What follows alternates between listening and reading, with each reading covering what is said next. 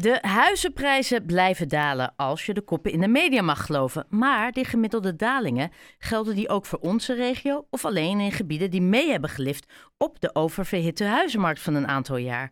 Veel vragen en minstens zoveel antwoorden van makelaar Bart van Engelen. Hi Bart, goedenavond.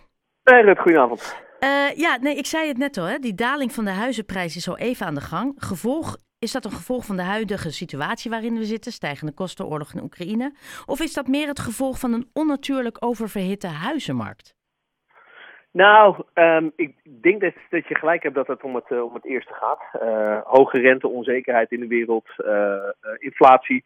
Hè, die, die huizenmarkt was oververhit, maar dan moet ook een moment komen of iets moet het aanjagen om het inderdaad te doen stoppen. En nou ja, wat je nu dus te maken, mee te maken hebt, dat het wat naar beneden gaat, dus dat wat naar beneden gecorrigeerd wordt.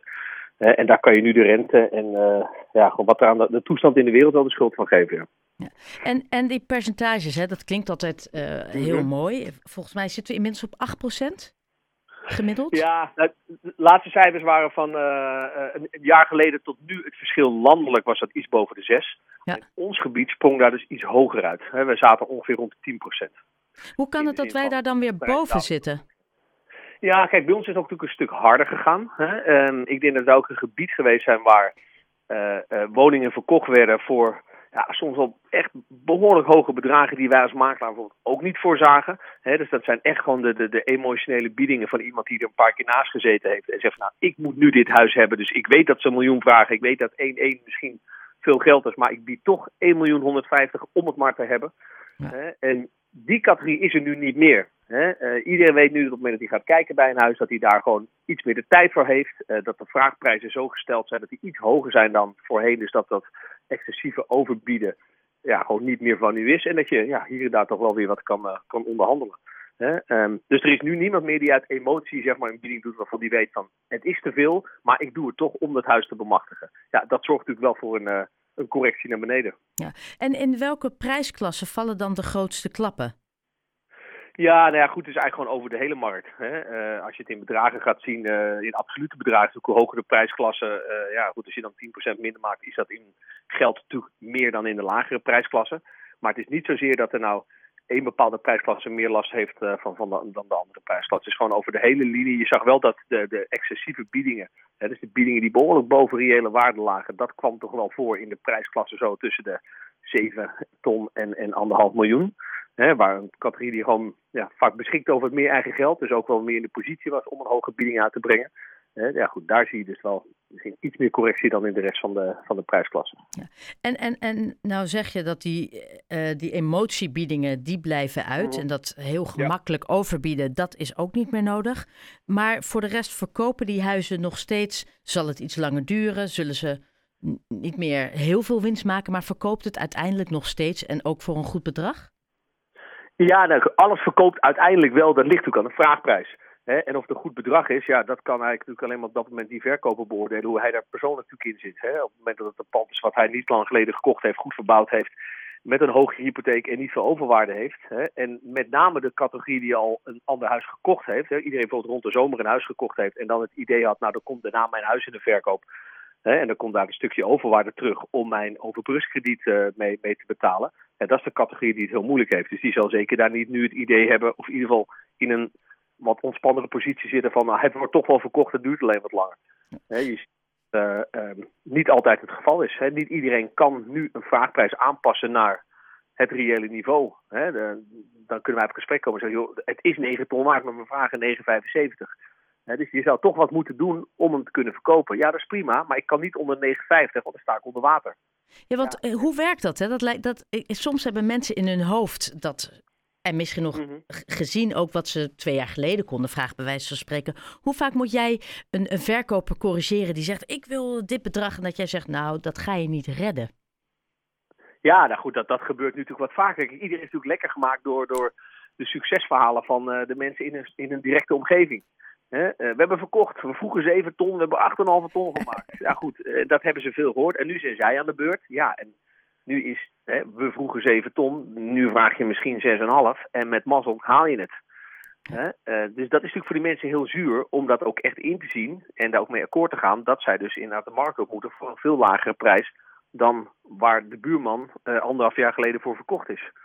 En dat is, dat is lastig en dat gaat er niet bij iedereen in. Ehm, maar ja, goed, soms moet je daar ook wel ja, iets strenger in zijn. Want nu iets in de verkoop hebben wat te duur geprijsd is, is gewoon letterlijk kansloos. We hebben de crisis hiervoor ook meegemaakt, 2008 en 2013.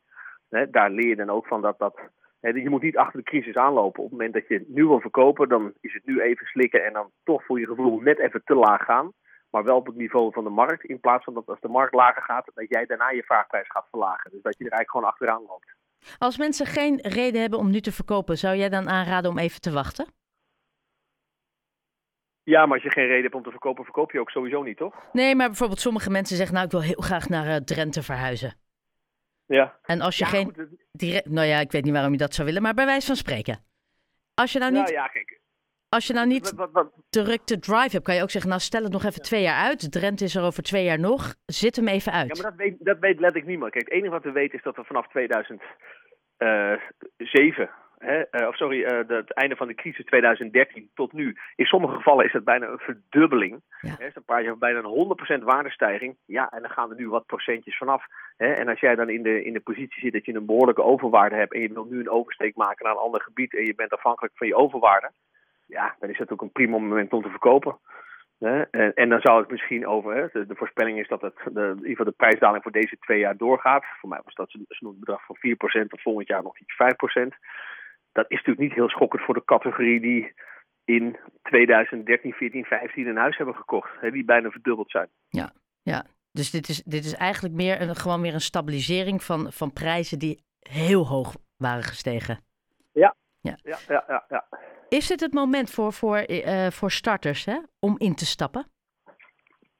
Ja, nou ja, goed, in die zin... Uh, uh, er, ergens wel. Hè. Uh, het voordeel voor wat een starter nu heeft. En dat is even los van, van, van wat er met de, de prijs op dit moment gebeurt. Een starter heeft meer ruimte op dit moment.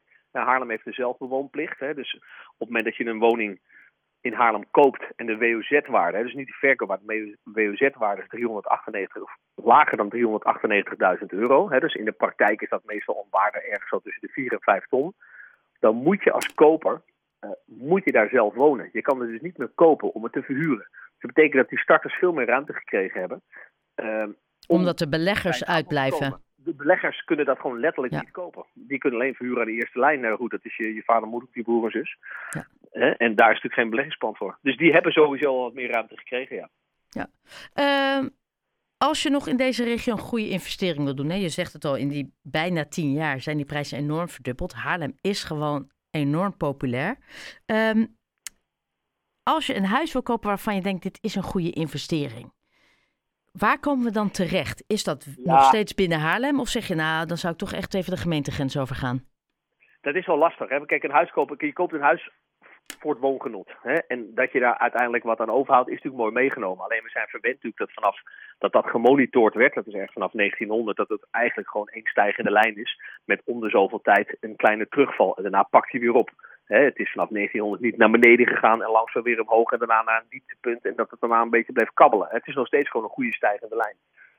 dus dat betekent als investering is dat natuurlijk lastig uh, om, om, daarin, om, om dat nu te kunnen zeggen. Want niemand weet waar we volgend jaar staan. Hè? alleen als je gewoon naar het verloop kijkt, vanaf het moment dat dat gemonitord werd, dan zie je dat vastgoed nog steeds gewoon een goede investering is. Hè? Um, alleen heeft het natuurlijk wel te maken als je in een korte periode gaat kopen en verkopen, ja, dan kan je natuurlijk wel goede pech hebben. Ja, want bijvoorbeeld een starter, hè? als, jij, uh, als je 25 bent, dan koop je eerst nog iets kleins. Want je mhm. hoeft nu niet alvast te kopen uitgaande dat je een drieling krijgt. Waar kom je dan, eh, wat is dan een goede wijk of een goede regio? Of wat ik zeg, misschien nou naar buiten? In ieder geval wijken die zich al bewezen hebben. Hè? Uh, bijvoorbeeld een binnenstad. Je zag ook in de vorige crisis dat een binnenstad gewoon minder hard geraakt wordt dan ja, de, wat, wat saaiere buurt, om het zo te noemen. Uh, een buurt die, die uh, al gewoon goed opgebouwd is, waar geen nieuwbouw meer gepleegd kan worden, die gewoon, is, gewoon staat zoals die uh, voor de oorlog getekend is en gebouwd is. Um, met, een bepaald karakter en een sfeer en ook een gewildheid ten aanzien van ehm, eh, hoe het eh, qua locatie ligt. Van een binnenstad, snelwegen, scholen. Eh, ja, dat, dat is een betere investering dan dat je nu ja, dat gebied gaat verlaten en denkt, nou, ik ga het buiten Haarlem zoeken in gebieden wat misschien wat meer experimenteel is. Ja, ik, ik zou het ook niet kunnen aanwijzen welke dat zouden moeten zijn. Maar wij zitten gewoon, op, op landelijk gezien zitten wij gewoon wel in een, ja, een vrij solide gebied in de zin van... Ehm, het behoudt eigenlijk altijd wel zijn waarde. Zeker, ja, ja. ja, beter dan, dan andere gebieden. Ja. Jij denkt dat deze daling voorlopig nog wel even aanhoudt, als ik jou zo hoor? Nee, dat, nou, dat, in ieder geval een jaar of twee, één, twee jaar? Ja, het is nu ingezet. Hè? En, en nou goed, dat moet. Kijk, er, komt, er, er, moet een moment komen dat een koper weet van, nou ja, of dat een verkoper weet, hiervoor kan ik niet meer verkopen, dus ik moet iets zakken. En dat die koper weer het vertrouwen krijgt om op die markt te komen. dus dat moet even naar elkaar toe komen. Ja, dat heeft even tijd nodig. Maar het is van zoveel factoren afhankelijk, met name van een rente en natuurlijk ook wat er verder in de wereld gebeurt. Nou ja, goed, mocht die rente dan toch weer iets gaan dalen en, en ja, het, blijft allemaal soort veilig in Europa. Ja. Dan heb je natuurlijk wel een kans dat dat iets sneller overwaait dan de crisis die we vorige keer hadden. Want dat was natuurlijk van 2008 tot 2013, dat was vijf jaar. Ja. Dat was natuurlijk een hele andere insteek dan nu. Dus ja, ik denk dat dit misschien de, goed, dit het eerste jaar is, volgende het tweede jaar. En dat, dat we daarna gewoon weer langzaam uh, wat omhoog krabbelen. En dan is de schade natuurlijk ook beperkt. Hè. Als dat misschien een 10% is ten aanzien wat we nu aan stijging hebben meegemaakt, van in sommige gevallen bijna 100% ja, dat is dan niet zo schokkend. Nou, dat klinkt heel positief. Bart van Engelen, makelaar, heel erg bedankt eh, voor deze toelichting. Fijne avond ja, nog. Ja, graag gedaan. Dank je. Oké, okay, you.